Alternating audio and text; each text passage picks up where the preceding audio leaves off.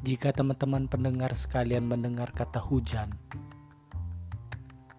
apa yang teman-teman sekalian pikirkan? Apa definisi dari hujan tersebut? Kemarin aku bertanya kepada temanku yang sedang galau. Ia mengatakan bahwa definisi hujan adalah hanya untuk janji aku bertahan. Sungguh bucin. Hujan Bagiku hujan itu adalah aku. Hujan jilid pertama. Hujan adalah sebuah presipitasi berwujud cair atau bahasa mudahnya adalah air. Terjun dari langit ke dunia tanpa mengenakan parasut atau menumpangi pesawat udara Rusia, Ukraina, dan semacamnya. Bebas terjun sebebas-bebasnya tanpa ada penghalang dan polantas yang menilang Hujan yang seakan-akan terbang dengan senang, tanpa penghalang, tanpa penghadang.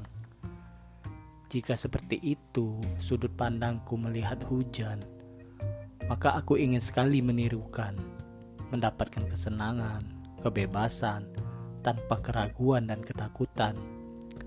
Sekarang mari kita bersama-sama membayangkan bahwa kita adalah hujan turun ke bumi membagikan keberkahan untuk setiap kehidupan. Kita selaku hujan yang deras akan membuat sekitaran merasakan imbas. Kita yang hujan rintik hanya seperti suara berisik. Maka dari itu, jadilah hujan yang sedang-sedang saja. Turun dengan volume yang menyesuaikan porsinya. Maka kita akan menjadi hujan yang membuat dunia bahagia hujan yang tidak menjadi bencana, malah menjadi berkah. Dan jika kita tak pernah bisa menjadi hujan, maka akan muncul kekeringan pada setiap harapan. Tak ada yang membasahi hati, hanya gersang yang meliputi diri.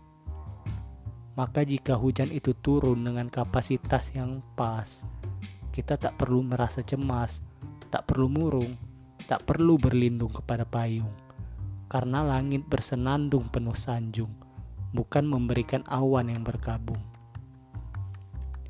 Mari sama-sama berpikir untuk menjadi sebuah pionir yang tak membuat orang lain menjadi khawatir. Jadilah hujan di padang pasir.